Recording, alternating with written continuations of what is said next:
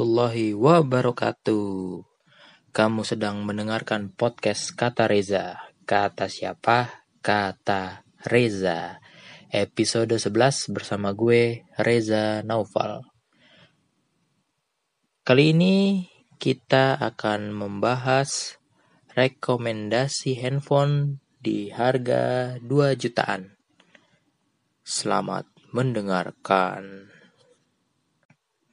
Ya, gue akan memberikan rekomendasi smartphone terbaru 2019 yang harganya 2 jutaan. Uh, kenapa gue bikin rekomendasi ini? Karena gue rasa handphone 2 jutaan sekarang sudah bisa memenuhi kebutuhan kita sehari-hari. Contoh, yang suka foto-foto, hari gini handphone 2 jutaan harga, uh, eh, fotonya udah bagus. Contoh yang suka main game, handphone 2 jutaan prosesornya udah bagus-bagus cuma untuk paling berat paling main PUBG itu udah cukup. Contoh hmm, modelnya udah bagus-bagus, udah keren-keren. Handphone 2 jutaan juga udah bagus jadi nggak malu-maluin gitu ya. Kalau ditenteng atau ditaruh di atas meja di cafe gitu handphone 2 jutaan udah bagus. Tapi sayangnya handphone 2 jutaan sekarang itu banyak banget. Uh, mulai dari Xiaomi ada jelas. Uh, Oppo Vivo ada. Uh, Huawei juga ada. Uh, terbaru nih Samsung akhirnya juga main di kelas 2 jutaan ini dengan menawarkan spesifikasi dan harga yang bersaing. Oke, kita mulai ya. Jika dilihat dari tahun 2019 ini, produsen handphone itu berlomba-lomba mengeluarkan produk terbaru mereka, apalagi di kelas handphone 2 jutaan. Sebut saja nih ya, Samsung yang udah mulai jor-joran memboyong produk teranyar mereka untuk masuk di Indonesia di kelas 2 jutaan. Didobrak dengan seri M yang baru dan seri A yang baru. Jadi Samsung lumayan lengkap nih ya. Di Indonesia main mulai dari kelas bawah, menengah sampai yang tinggi nih. Flagshipnya Samsung punya. Xiaomi juga nggak tentunya nggak bisa ditinggalkan ya dari judul handphone 2 jutaan yang bagus. Karena ponsel asal Cina ini sudah mengeluarkan banyak seri. Mungkin sebut aja seri Redmi Note 7, Redmi Go, uh, ada juga Mi 8 Lite. Jadi teman-teman yang berencana mengganti handphonenya karena udah rusak mungkin karena udah jadul karena udah bosen aja gitu karena sudah mungkin 2 tahun 3 tahun belum ganti handphone tapi budgetnya di bawah 2 juta. Don't worry karena pilihannya banyak. Jadi podcast kali ini episode 11 ini gue akan coba kasih rekomendasi. Ini rekomendasinya per tanggal 10 April 2019 ya jadi mudah-mudahan bisa tetap hmm, kurang lebih sampai enam bulan ke depan kayaknya masih oke okay lah nih rekomendasi dari gue. Walaupun dua bulan lagi gue pasti ada handphone baru di kelas ini.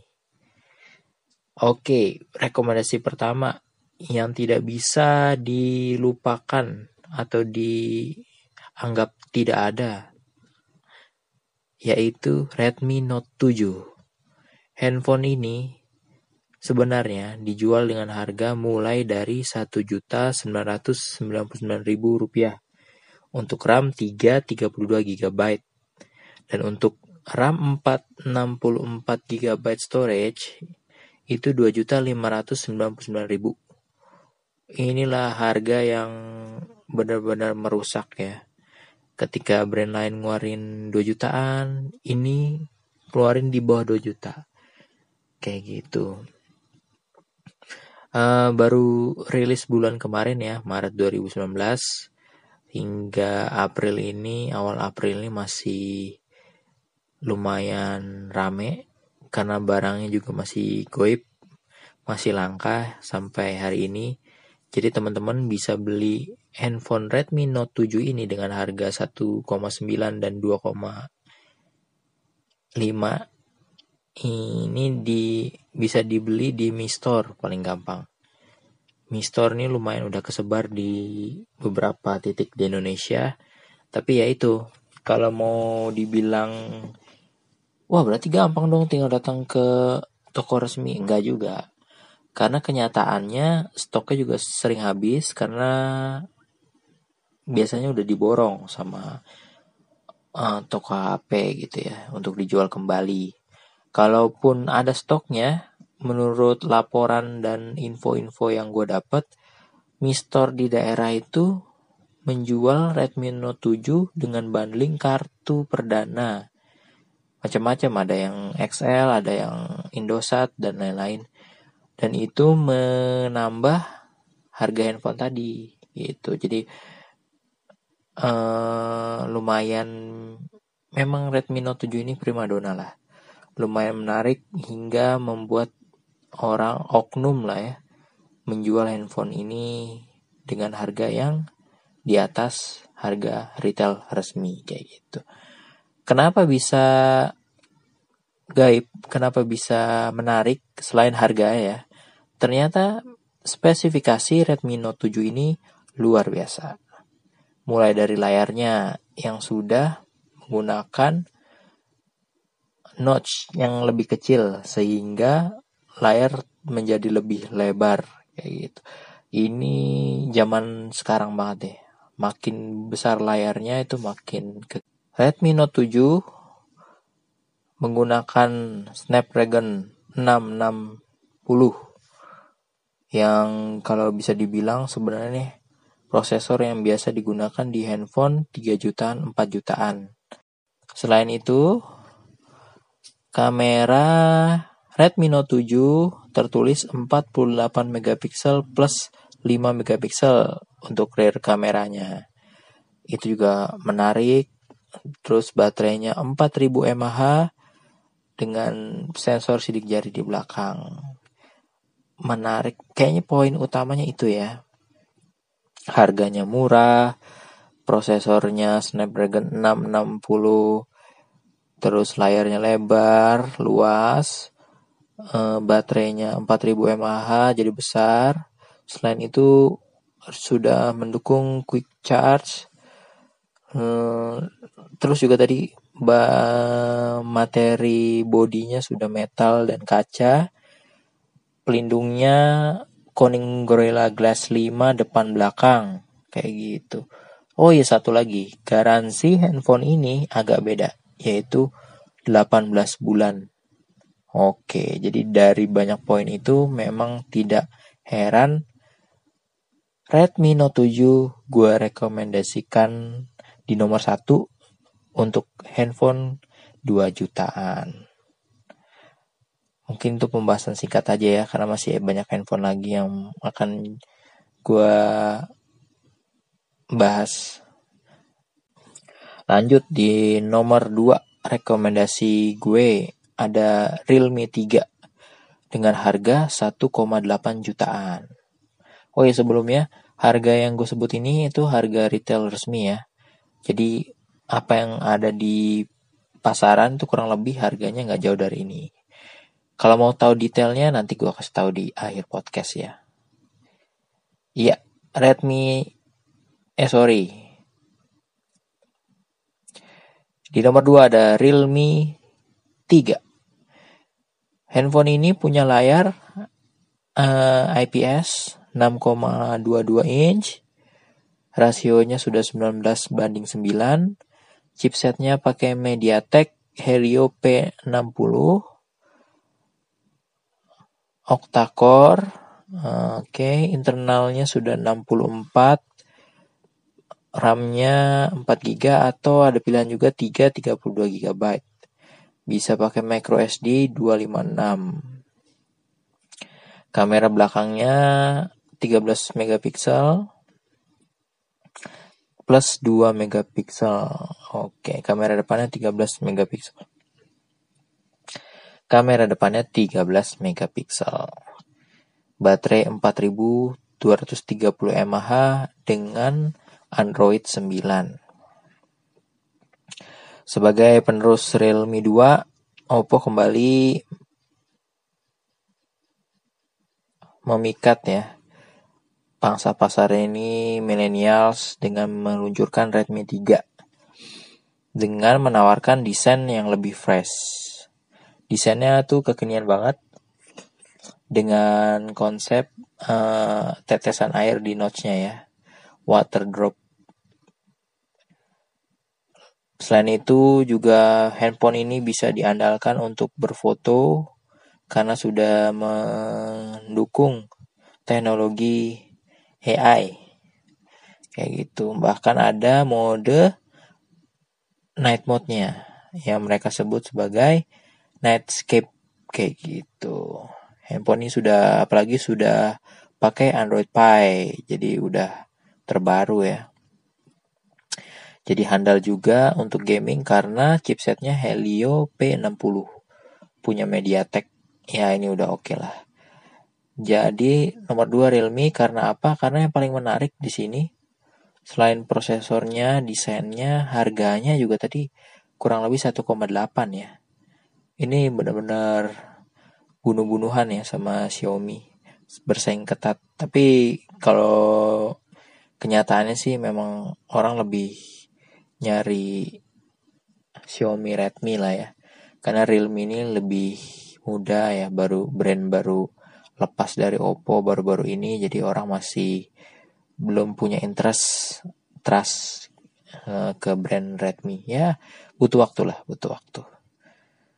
Oke di nomor 3 rekomendasi gue adalah Samsung Galaxy M10 dengan harga 1,7 jutaan. 1699 lah ya lebih tepatnya. Tapi kita buletin aja 1,7 ini Samsung yang baru dan termurah.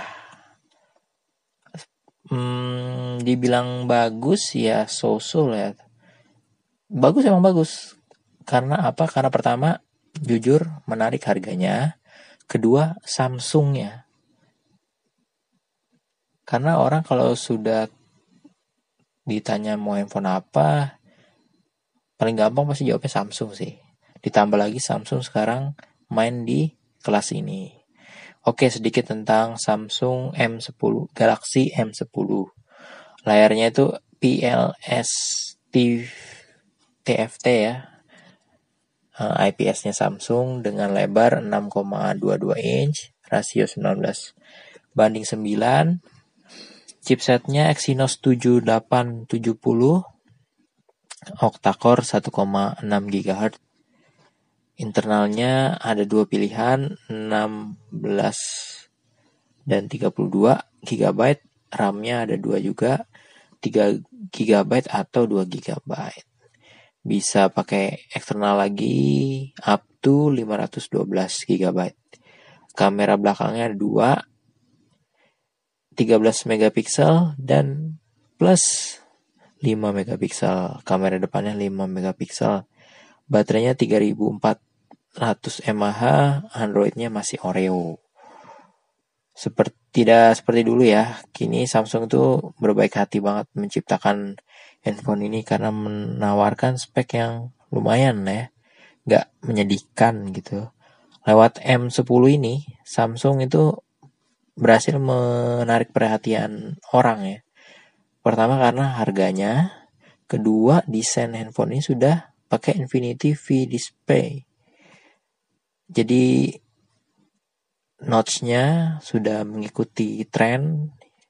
Akhirnya Samsung mengikuti tren karena sadar betul untuk bersaing di kelas ini harus ikut tren gitu.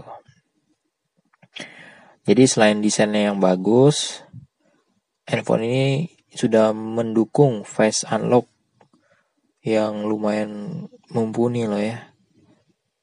Jadi harga segitu dapat Samsung dan oh ya lupa nih hampir lupa. Harga segitu dapat Samsung terus ada eh, di kameranya ada lensa wide angle-nya. Nah, rata-rata sekarang gitu sih ya sekarang eranya kamera lensa kamera handphone. Tahun lalu tuh bokeh-bokeh ria sekarang white-white ria gitu ya. Hasil foto yang lebar-lebar. Oke di nomor 4 rekomendasi gua ada Huawei Y7 Pro yang 2019 harganya juga sama kayak M10 tadi di 1,8 jutaan.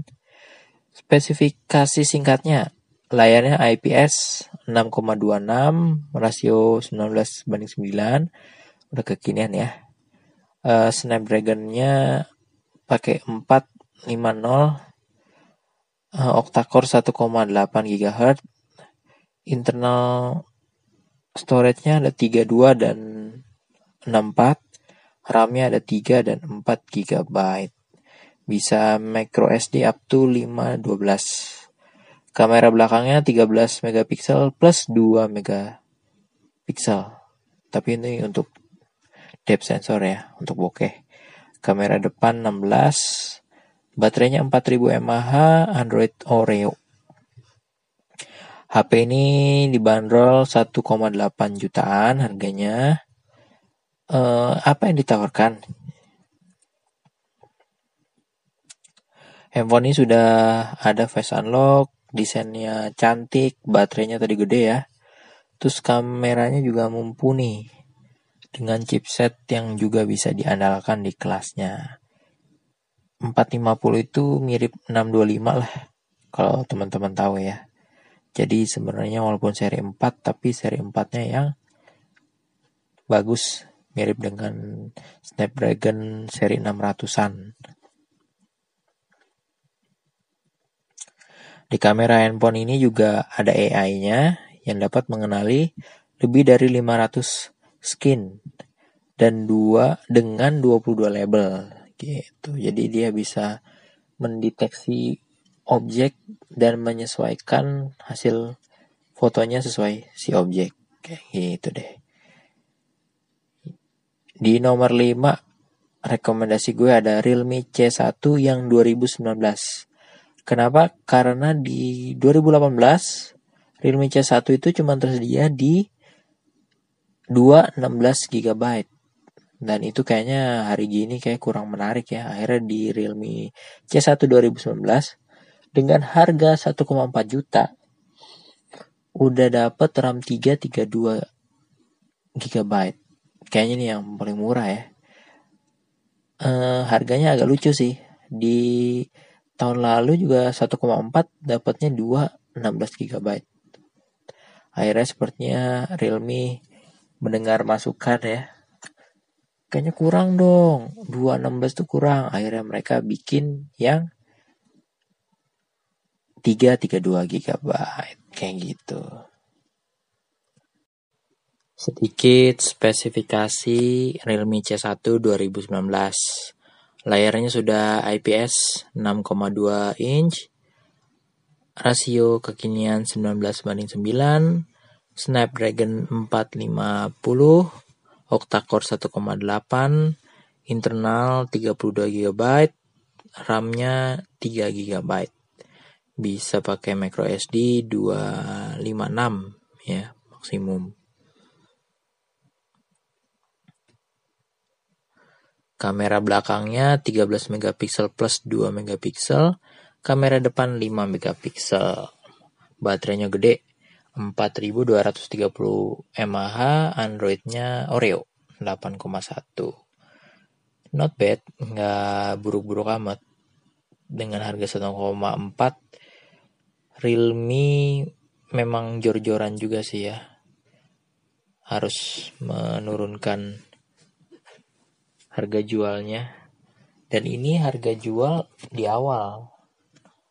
Tunggu aja satu dua bulan lagi nggak tahu deh tuh harganya jadi berapa. Pasti pastinya ada penurunan. Berikutnya rekomendasi gue adalah Asus Zenfone Max M2 harganya sekarang kurang lebih 1,9 jutaan ya. Dari Asus nih yang makin hari makin sepi karena memang udah pernah gue prediksi Asus itu memang rame di awal ketika launching. Jadi memang mereka suka bikin apa ya do dobrakan. Dobrakan tuh bahasa gebrakan maksudnya. Bikin gebrakan dan di sana di awal-awal orang jadi tertarik langsung beli tapi nggak nggak lama sih Asus tuh. Makin ke sini makin uh, peminatnya Asus soalnya ya. Nggak bisa di ini nggak bisa dipungkiri orang Asus tuh mungkin beli laptop beli komputer sih ya. Kalau handphone belum sih. Belum pemainnya nih si Asus nih.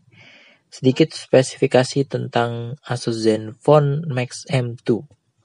Layarnya sudah IPS 6,2 inch, rasio 19 banding 9, pakai Snapdragon 632, octa-core 1,8 ya GHz.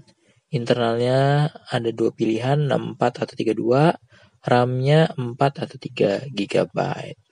Make micro SD up to 512. Kamera belakangnya ada 2, 13 megapiksel plus 2 megapiksel untuk depth sensor. Kamera depannya 8 megapiksel, baterainya gede juga 4000 mAh, Androidnya Android 8 Oreo. Uh, yang menarik di sini harga jelas harga karena makin ke sini harga makin turun Max M2 bahkan di awal launchingnya juga ini kalah ya kalah pamor dibandingkan Asus Zenfone Max Pro M2 nya gitu jadi ya karena handphone ini udah kalah pamor di awal kalau emang mau sabar ya pasti teman-teman bisa dapetin handphone ini bisa lebih murah lagi deh paling enggak bulan depan deh bisa lebih murah lagi jadi dibandingkan seri pendahulunya ya, uh, Zenfone Max M2 ini menawarkan spesifikasi yang lebih unggul. Mulai dari performa, kamera, fitur-fitur canggih, karena sudah salah satunya ada teknologi AI-nya. Desainnya juga sudah mengadopsi layar notch uh, yang lumayan manis gitu ya, nggak gede nggak kecil dan untuk menggenjot performa kameranya tadi sudah dijelaskan juga udah ada AI uh, si skin detection. Kayak gitu. Karena emang di M1 sebelumnya kameranya memang nggak bisa diandalin ya. Jadi ada progres di kamera di M2 ini. Kayak rekomendasi berikutnya adalah Oppo A3s harga 1,6 jutaan. Oppo hmm, dulu sih Oppo hmm, lumayan mahal-mahal ya, tapi sekarang juga akhirnya main di kelas 1 jutaan 2 jutaan dengan kalau teman-teman lihat Oppo itu lumayan apa ya banyak serinya ya.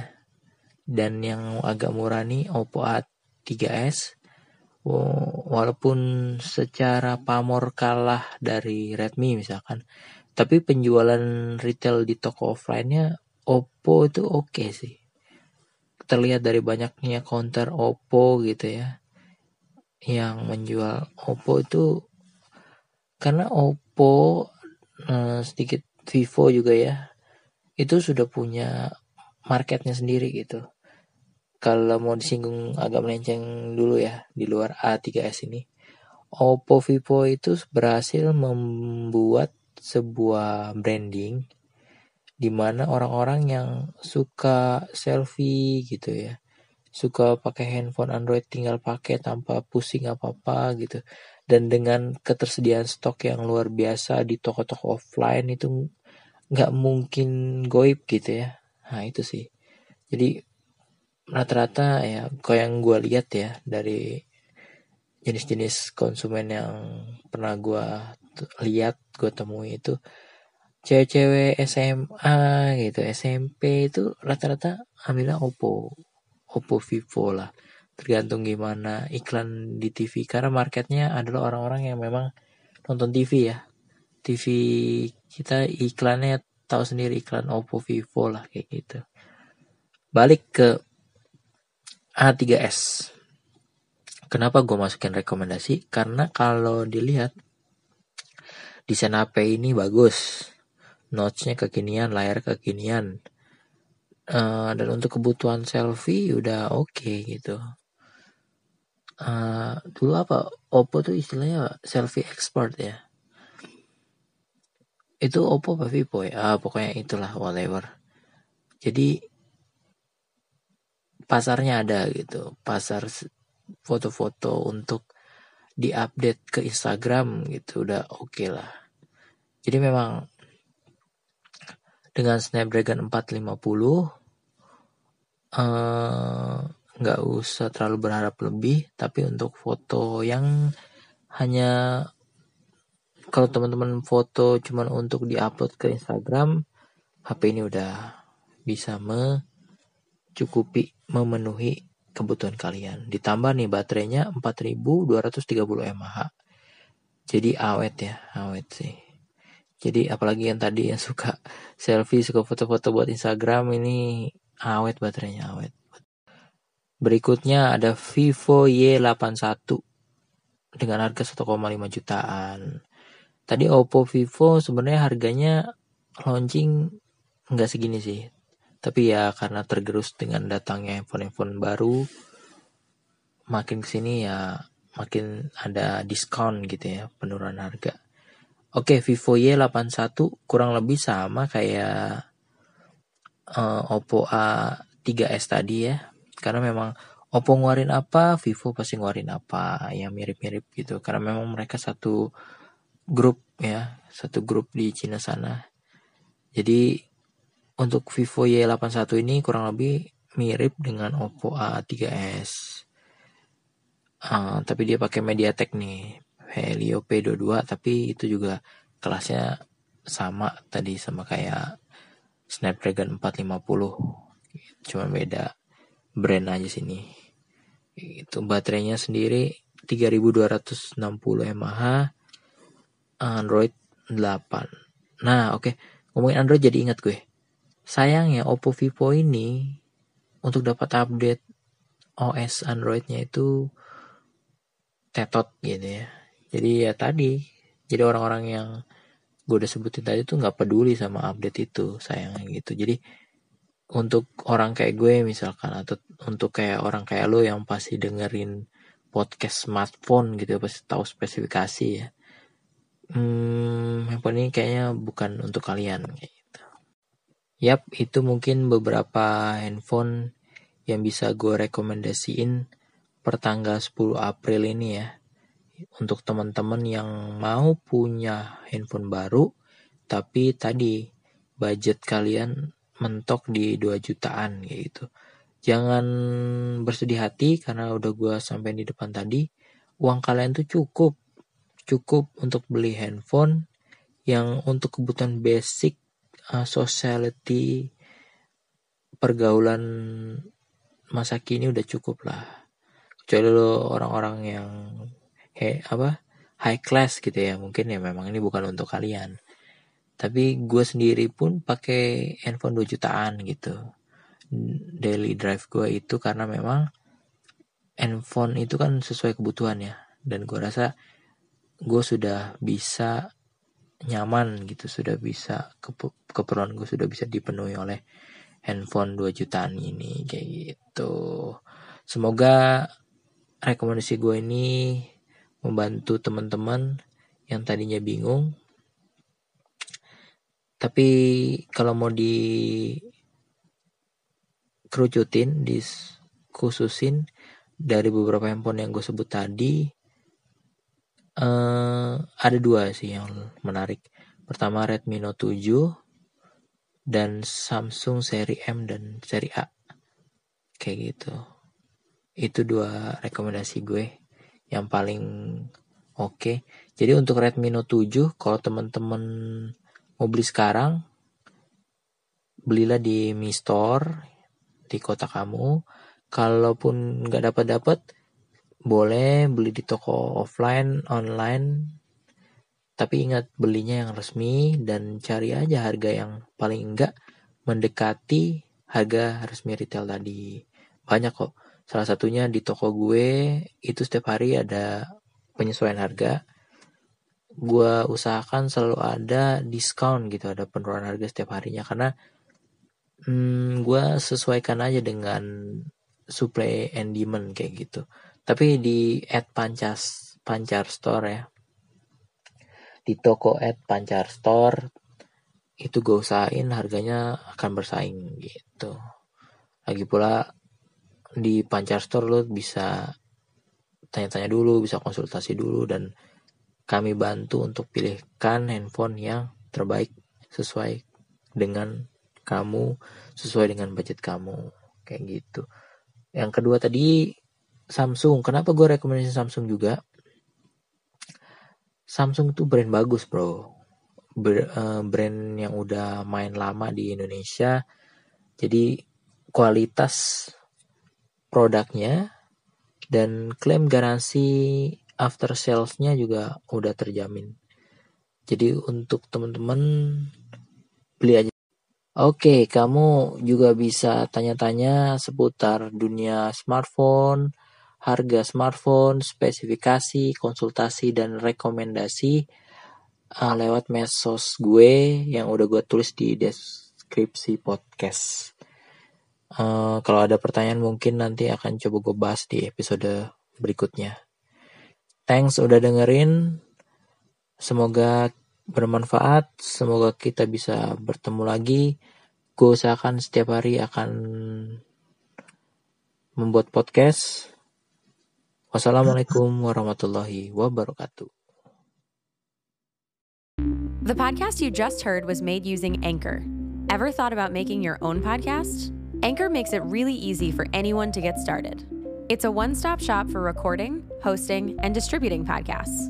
Best of all, it's 100% free. Sign up now at anchor.fm slash new. That's anchor.fm slash new to get started.